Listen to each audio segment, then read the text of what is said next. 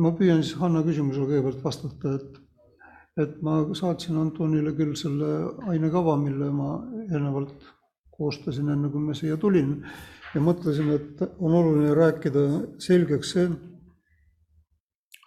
et millest me räägime, kui me räägime diakooniast, et mis see on. et teiseks me tegime koos sellise mõistete pilve, kuhu teie ütlesite ja kirjutasite vastuse sellele esimesele küsimusele, et millest me siis räägime ja mida see diakoonia tähendab. siis teise teemana me rääkisime sellest, kuidas Vana Testament mõistab ja kajastab inimestevahelisi suhteid ja kuidas sotsiaaltöö ja sotsiaalsus väljendub Vanas Testamendis ja siis võtsime järgmiseks, kuidas samad asjad läbi Uue Testamendi meile mõistetavaks saab. Ja kuidas diakoonia kui mõiste Uue Testamendi ajal hakkas kujunema. ja kuidas tekkis sellest ka diakoni või diakonissi amet. väga põgusalt libisesime üle põhjustest, miks Kristusesse riigi usung, usund, miks ta levis, mis oli kloostrite tähendus ja kuidas kloostri juurde tekkisid ka haiglad, koolid ja ülikoolid. et mul oli mõte, et võiks ju ka rääkida eraldi kristliku hoolekande või diakoonia lugu Eestis, kuidas ta Eestis on kujunenud siis tahtsin ma välja tuua peaasjalikult jah, sellesama vihikukese baasil, mida, mida ma teile näitasin ja lubasin, et see on ka inglise keeles olemas ja vist ka vene keeles. sellest, kuidas tänapäeval aru saadakse diakooniast, sest et see arusaam, et diakoonia on selline ainuüksi vaga teenimine, on jäänud juba nagu minevikku, eriti ühe Austraalia teoloogi John Collinsi nimega on see uuendus seotud ja reformeeritud kirik on põhimõtteliselt need Collinsi ideed võtnud, võtnud nagu omaks ja pidanud oluliseks siis diakoonia vastamist tänapäevastele vajadustele ja sellega seoses tuleb käsitlusele veel erinevaid mõisteid nagu konviviaalsus ja diakoonia oikumeenilisus. Eraldi tahaks käsitleda ja tuleb käsitleda kirikute omavahelist koostööd, aga ka kirikute ja koguduste koostööd avaliku sektoriga ja ärisektoriga et mida me teeme nii-öelda oma omavalitsuse kontekstis, mida me teeme riigi kontekstis. ja siis tahaksin ma tuua eraldi teemana sisse kogukonna teema, mis on kogukonna ehitamine, mis on kogukonna kaasamine, mis on kogukonna organiseerimine. ja see omakorda seondub sotsiaalse ettevõtluse teemaga ja, ja eestkoste teemaga ja siis lõpuks äh, peaksime mõtlema natukene ka seda, kuidas me oma ettevõtet või oma sotsiaaltöö gruppi või asutust majandame ja turundame. Mul oli mõte, et me võiksime külastada ühte või kahte diakoonilist asutust või kogudust, kes on väljapoole suunatud teenimistöö poolest tuntud. ja et me teeme selles, selle külastuse käigus ka konspekti sellest, mida me seal näeme. ja ma annan need küsimused hiljem, aga põhimõtteliselt te peaksite kaardistama, kaardistama selle organisatsiooni või koguduse tegevuse. vaatama seda nii teoloogilisest lähtepunktist kui ka majanduslikust lähtepunktist. sest igaüks, kes kedagi aitab, eriti kui ta teeb seda organiseeritult ja läbi organisatsiooni, peab tagama ka, et see organisatsioon püsiks, säiliks ja suudaks ennast ära majandada. ehk siis, kui te lähete, lähete näiteks lootuse külla, siis te peaksite vaatama tähelepanelikult seda, kuidas see asi seal püsti püsib. et see on issand ime küll aga siiski inimesed teevad seal väga inimlikke olulisi asju selleks, et see asi toimub. või siis, kui me läheme näiteks Tallinna Peetri kogudusse, kus on sotsiaalkeskus, et siis te peaksite mõtlema sellele, kus siin väljendub see kristlik ligimese armastus, kus siin väljendub majanduslik mõtlemine, kus siin väljendub sotsiaalne vastutus. ehk siis kaardistada ühe organisatsiooni tegevust ja anda soovitusi, kuidas seda võiks paremini teha. või anda talle hinnang, kuidas teie arvates see on. nii et see oleks nagu üks töö. et kohtvaatlus, selle konspekt ja kokkuvõte selle organisatsiooni toimimise kohta. ja üks kirjalik töö ja see ei pea olema üleüldse pikk, see peaks olema, mahtuma ühele leheküljele aga sellest tuleb aru saada, siin ei ole mõtet tühje lauseid panna. Te peate aru saama, kuidas see organisatsioon toimib ja siis suutma seda siin ka auditooriumis selgitada. ma saan aru, et me päris kõik võib-olla kokku ei saa, siis on seda ülesannet keerulisem lahendada, aga Mark küll arvas, et juunikuus võiks ka kogu seltskond olla auditooriumis ja ühtlasi saaks teha ka selle väljasõidu. et see on üks asi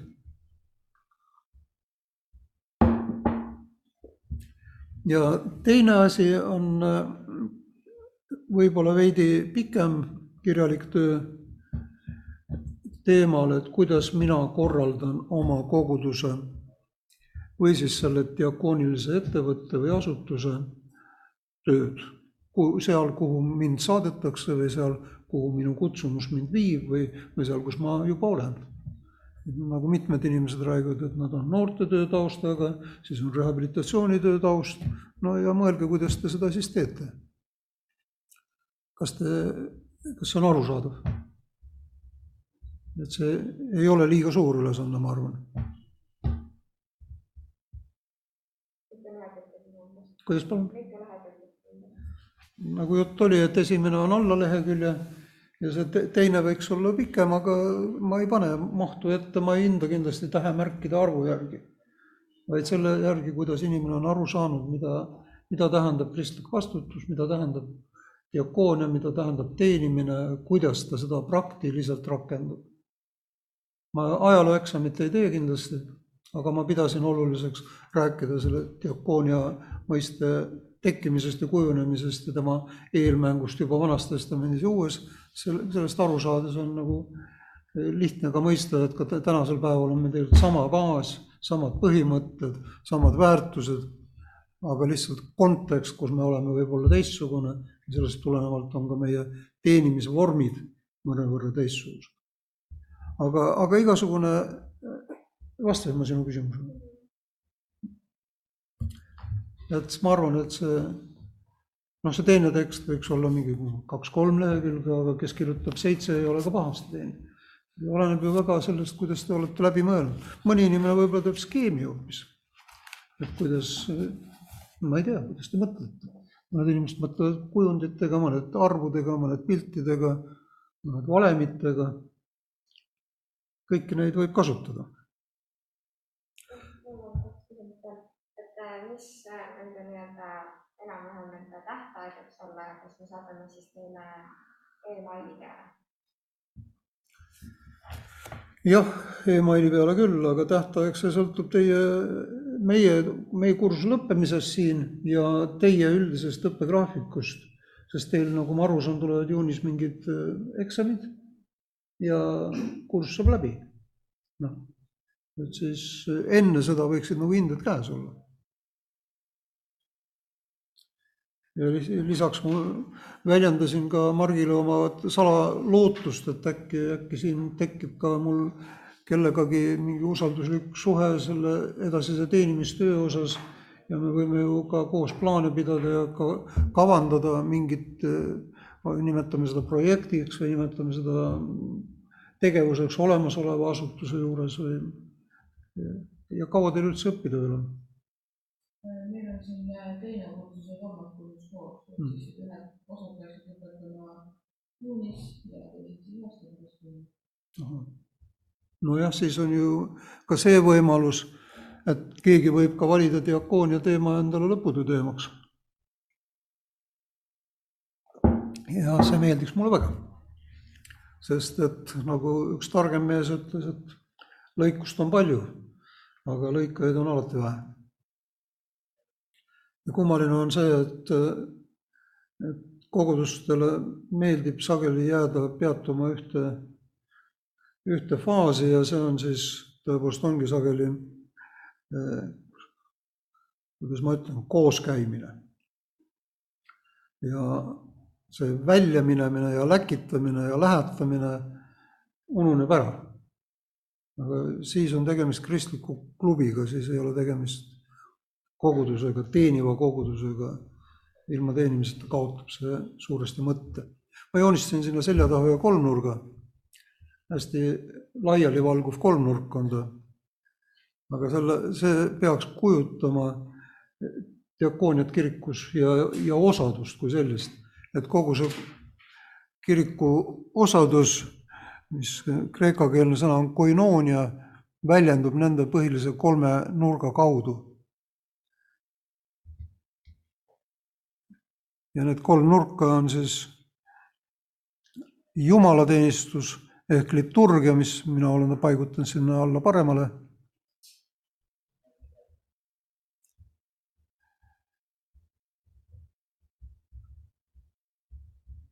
ja väga kurb, aga mõnede jaoks siin nagu lõpeb.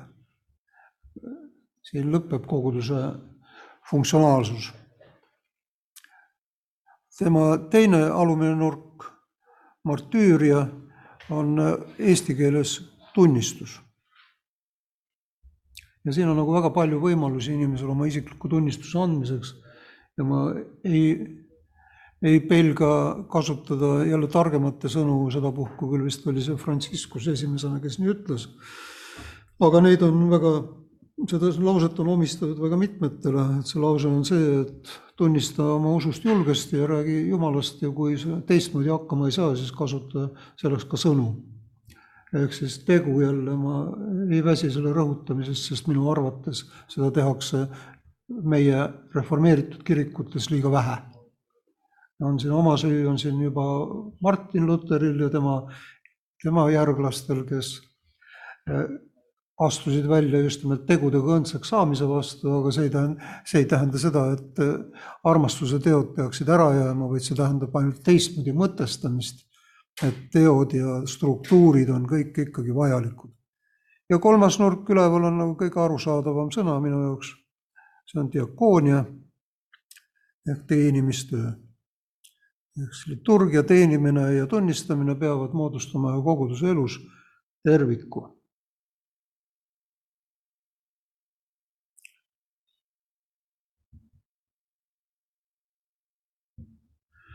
Ja keegi lõpetas siin meie eelmise tunni koosolemisega sõnadega, et, et me suudame seda teha, me suudame teenida, me suudame ennast panustada ohverduda ja ka materiaalseid vahendeid kasutada ja neid enda käest äragi anda selle tõttu, et Jumal meid on enne armastanud ja et me oleme saanud ka tema vaimu.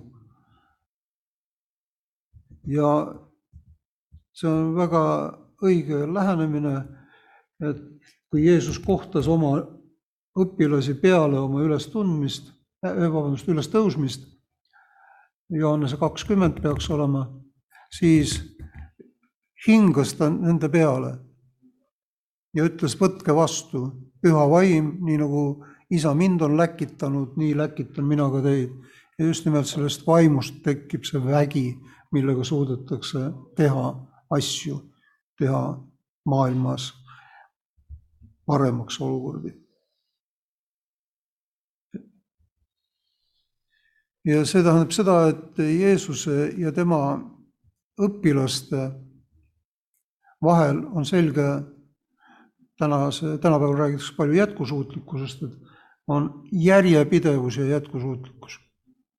ehk siis tema andis oma vaimu jüngritele ja nende kaudu oleme saanud seda ka meie, kes me erinevates uskkondades, aga ikka sellel samal põhjal ja sellest samast vaimust elame ja hingame. et Jumala eluvaim, mäletate, Jumal ju ka, ka Vana-testamendi alguses räägitakse, Jumala vaim oli lehvimas vee peal ja nii edasi, et seesama vaim kandub läbi meie ja aitab meil täita meile antud mandaati, meile antud ülesannet, teha omadeks kõik rahvad ja õpetades neid ja ristides neid ja teenides neid.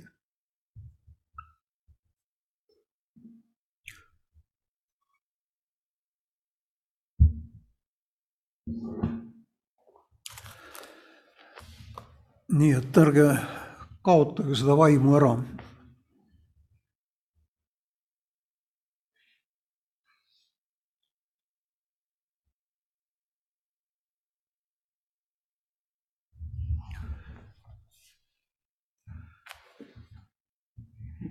Kogu diakoonilise tegevuse alus on siis seega pühakirjas, on Jumalas ja on Jumala poolt antud väes teha tema tegusid. jälle Uus Testament kirjeldab neid muidugi väga drastiliselt, et võtke üles madusid ja, ja mida kõike tuleb teha, selle, aga see vägi võimaldab meil tõepoolest olla tugevad selle peale, selle peale teo-, nii-öelda teoloogilise tasandi peale ehitub siis ka teatud selline filosoofiline tasand, ehk siis me mõtestame oma usku. me mitte ainult me usume, vaid me ka mõtestame, suudame seda formuleerida ja suudame teda ka kaitsta, kohtudes maailmaga, kohtudes teistmoodi arusaavate inimestega. ja kõik inimeste omavaheline suhtlemine, mis ehitub omakorda sellele mõtestatud arusaamale oma usust, peab peegeldama Jumala olemust ja tema armu. kirik ei saa toetada seda, kui jagatakse inimesed nii-öelda parketikõlbulikeks ja mitte või ühiskonda või kogudusse sobivateks ja mitte. Meid on lähetatud välja kõikide inimeste juurde, mitte ainult nende juurde, kes on meie usukaaslased ja mitte ainult nende juurde, kes on meie sarnased või meile meeldivad.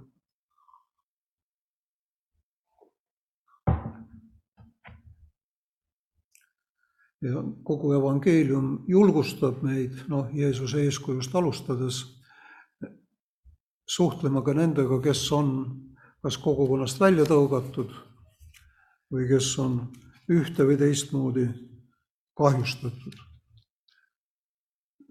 ma, ma tean, et on kogudusi, kes peavad ennast eh,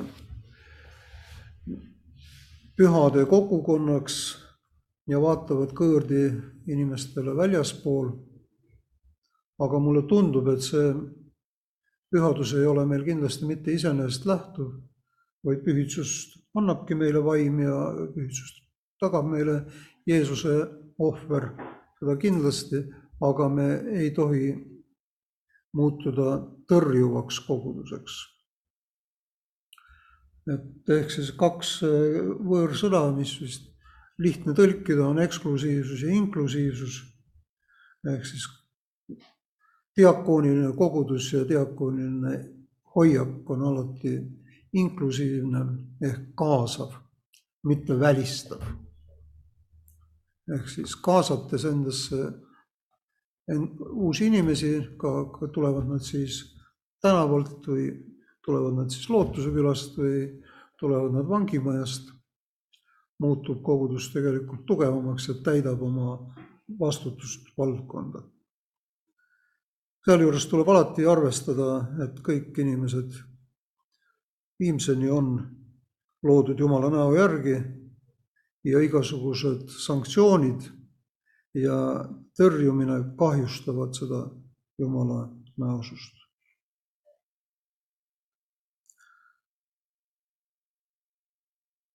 kogu ristiusu keskmes on ka üks oluline mõiste, mille nimi on andeks andmine. ehk siis andke andeks üksteisele nii, nagu teile on andeks antud, võime lugeda Efesose kirjast. ja sellest võiks juhinduda siis ka oma kaasava koguduse ülesehitamisel. andeks andmine ei ole lihtsalt nagu karistamisest loobumine või väljalükkamisest loobumine, vaid see on uue suhte loomine. Uue suhte loomine grupis või kogukonnas. ja see on ka ideaalvariandis võimalus luua see uus suhe vihkaja ja vihatu vahele.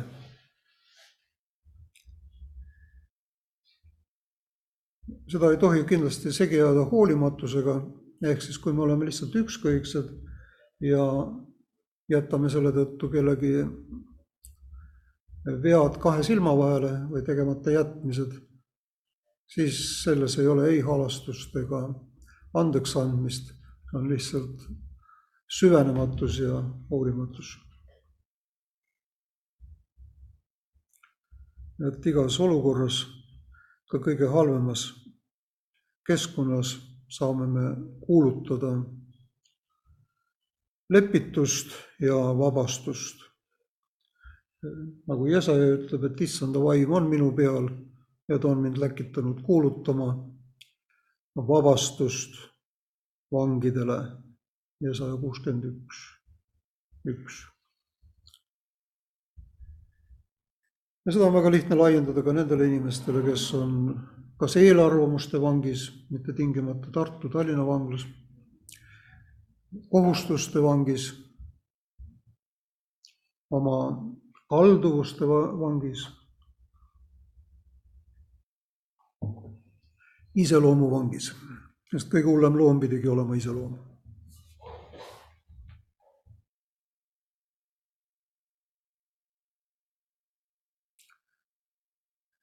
Kommentaare?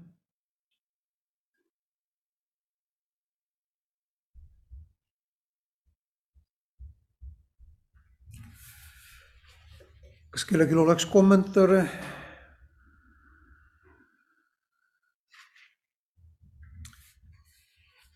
ei ole. küll on tore. minu arust on äh, see vangis oleku näide kuidagi läheb väga hästi praeguse eluga kuidagi kokku.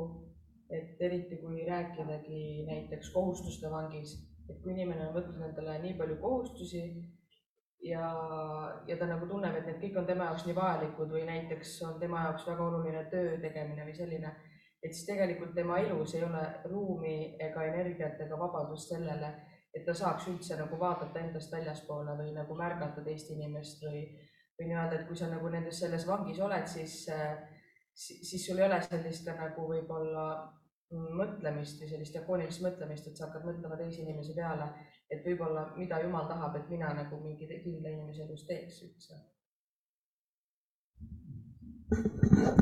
elu, elu muutub standardseks ja, ja ei, ei ole võimeline inimene enam muutma tulevikku, aga ometigi tema asi on seda tulevikku luua endale ja teistele ja teistega koos. kas keegi veel?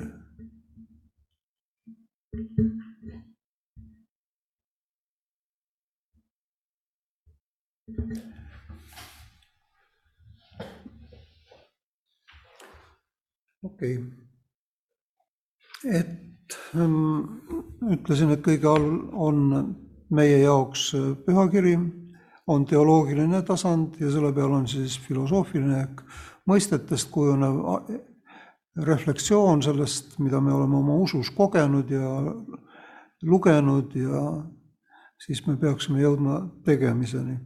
järgmine tasand, kuidas ma näen diakooniat, on õiguslik tasand või juriidiline tasand. ja seda võib ka nimetada õiguskeskkonnaks. ehk siis me kõik tegeleme oma elus teatud õigusruumis. Need õigusruumid on äh, erinevad, aga nad on igas, igas ühiskonnas, igas kogukonnas alati olemas. selles on võimalik meil selle õigusruumi kujundamises on võimalik meil osaleda. meil on võimalik selles osaleda kodanikena lihtsalt ühte või teist algatust esile kutsudes. ka õiguslike algatuste esilekutsumine kuulub siia hulka. Ehk siis me teeme ju, tegelikult inimesed ise teevad reegleid.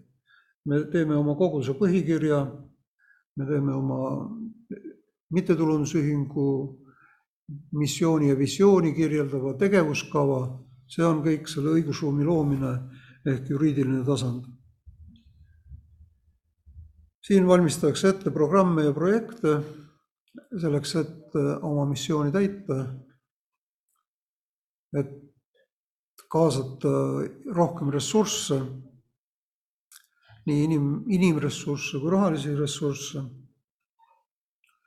ja sellel juriidilisel tasandil tehakse ka kokkuleppeid teiste organisatsioonidega ja teiste konfessioonidega või uskkondadega, aga samuti ka riigi ja kohaliku omavalitsusega. Need kokkulepped on, võivad olla lihtsalt noh, minu poolest kas või leping vallavalitsusega kalmistu hooldamiseks, mis on vajalik tegevus. keegi seda peab tegema ja kui teie kodu kiriku või palvemaja ümber on selline ala, siis ta peaks ju saama korda ja miks mitte meie abiga. või siis on selleks näiteks, näiteks mõne ühisprojekti algatamine, kas keskkonnaalase projekti või hoolekandealase projekti. ja kindlasti ma ka julgustan, ma praegu hüppan natukene ette, aga kuna see ka nii-öelda selle juriidilise tasandiga kokku kõlab siis ma kindlasti julgustan inimesi, ristiinimesi eriti, osalema oma kodukandi arengukavade koostamisel. Igal vallal on ju oma arengukava, igal linnal on oma mingisugused kavad ja ma arvan, et selles suhtes on ka täiesti seinast seina arvamusi, aga ma arvan, et see võiks olla ka igal kristlikul kogudusel või organisatsioonil. ehk siis täna me täna me oleme nagu selles kohas, vaatame, kus me oleme kolme aasta pärast, kaheksa aasta pärast. kindlasti see ei lähe täpselt nii, nagu me prognoosime kaheksa aasta peale, aga kui sul silme ees ei ole eesmärki ja si-, ja ei ole sihti, siis, siis on, siis on selline budistlik kul-, kulgemine ainult, et sa ei tea iialgi, kuhu sa oled välja minemas hommikul, kui sa ärkad.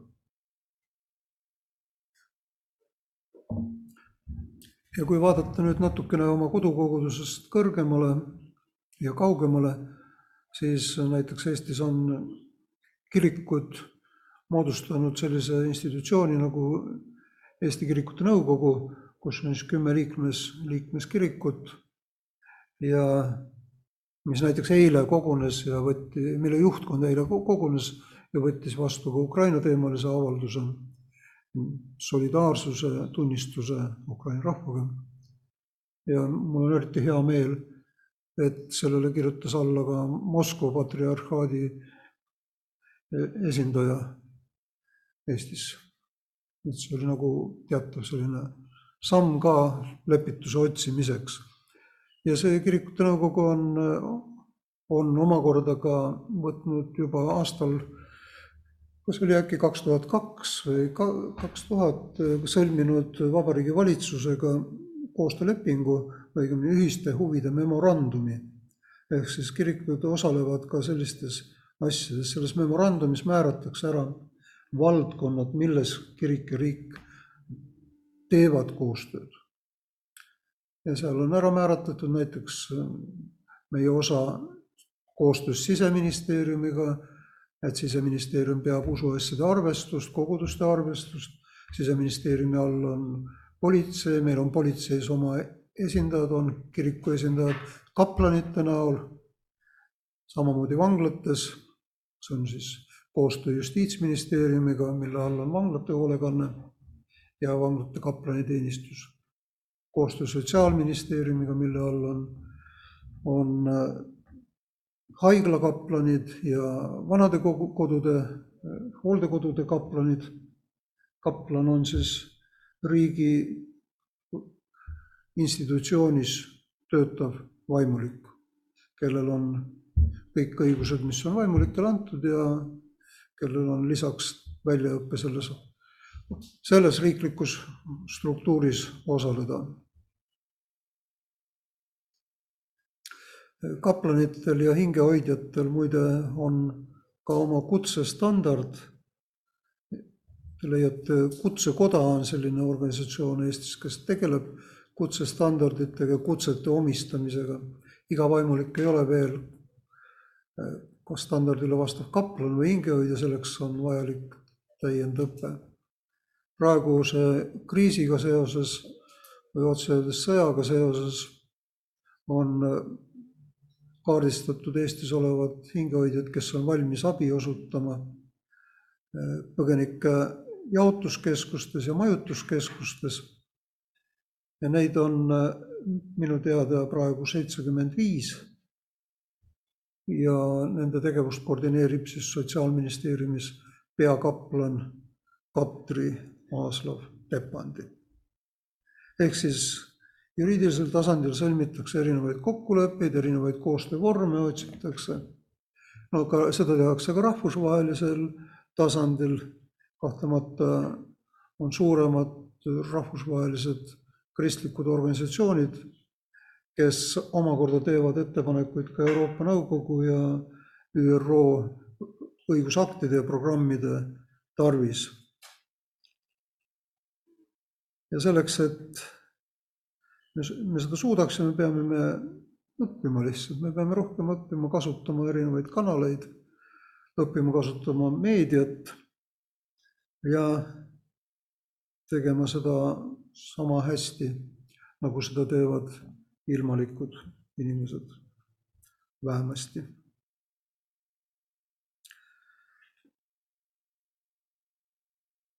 ma arvan, et niisugune tasandite kaupa mõtlemine nagu lihtsustab mõnevõrra oma tegevustest arusaamist ja nende planeerimist ja korraldamist.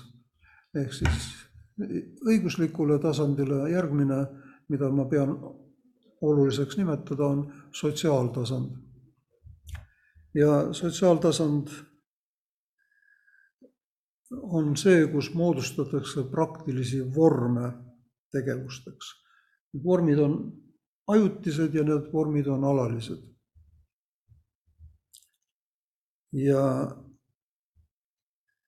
need võivad, vormideks võivad olla kiriklikud struktuurid, allasutused, mittetulundusühingud ettevõtted.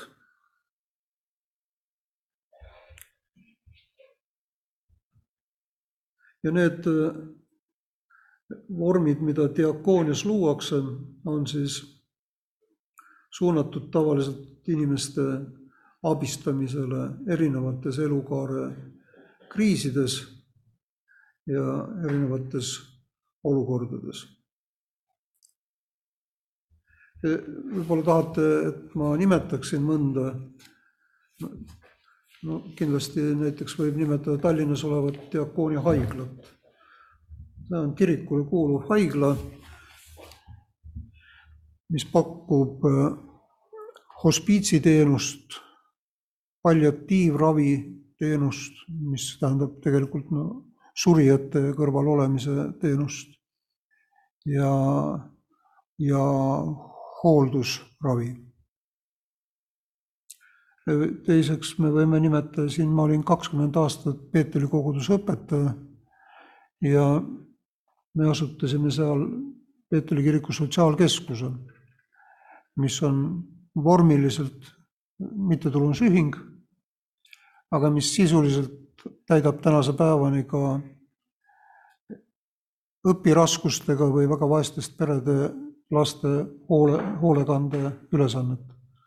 osa lapsi elab kirikus, tahaksin näidata sellest ka ühte slideshow'd, aga kuna ma täna ei ole eh, ennast eelnevalt ära ühendanud aparaatidega, siis, siis see jääb teiseks korraks, et mitte praegu meie aega raisata. aga see, selles üksuses on see sai asutatud kaks tuhat ja ta töötab tänase päevani ja on saanud paarsada last oma elu mõtte ja elu eesmärgi ja üldse ellu jäänud, sest esimesed kümme aastat töötasime me lastega, keda me leidsime lagunenud majadest, kanalisatsioonist, soojustrassist ja, ja muudest sellistest kohtadest. Õnneks enam sellistes tingimustes Eestis lapsed ei ela, aga vaeseid on teie juures alati, ütleb Jeesus. nii et vaeseid lapsi on palju ja nendele abi osutamine on iga ristinimese ülesanne. siis äh, ma vastutan täna ka vanglast vabanenutele teenuste osutamise eest. see tähendab, tähendab vanglate külastamist ja vanglate hingehoidu koostöös vanglakaplanitega. aga see tähendab ka vanglast vabanenutele sotsiaalse toe pakkumist kuni elukohani välja. et see on eraldi, eraldi programm koostöös Justiitsministeeriumiga. me pakume, no need Virumaa mehed, kes seal teisel pool ekraani on, teavad seda niigi, et Jõhvis on meil varjupaik, et ka, ka, ka Prooninil on oma teenused, mida ta pakub vanglast vabanenutele ja külastab vanglaid. ehk siis ma näen, et Tallinnas on see aktiivsus suht madal, aga, aga siiski. Pärnus pakub vanglast vabanenutele majutusteenust Samaaria, samuti Haapsalus. meil on koostöös kogudusega Uus Põlvkond üks majutuskeskus Jõhvis ja, ja, ja koostöös Lootuse sillaga või Most Nadježdi nimelise organisatsiooniga Tartus ja metodisti kiriku pastor Olavi Ilumets on seal peamine juht ja tegija. Nii et niisuguse, see on siis nii-öelda see sotsiaaltasand, millel tuleb selleks, et töö oleks tulemuslikum, efektiivsem ja jätkusuutlikum, luua erinevaid struktuure. siin, siin me jõuame ka selle, selle koduse ülesande juurde, mida ma eelnevalt selgitasin, et te peaksite mõtlema, kuidas te siis seda oma kutsumust realiseerite ja kas selleks on vajalik ka luua koguduse juurde mingeid täiendavaid struktuure või mitte ja kui, siis miks. Noh, lihtne üks lause selgituseks, kuigi me praegu sellest väga ei räägi, on see, et ära hoia kõiki munasid ühes korvis.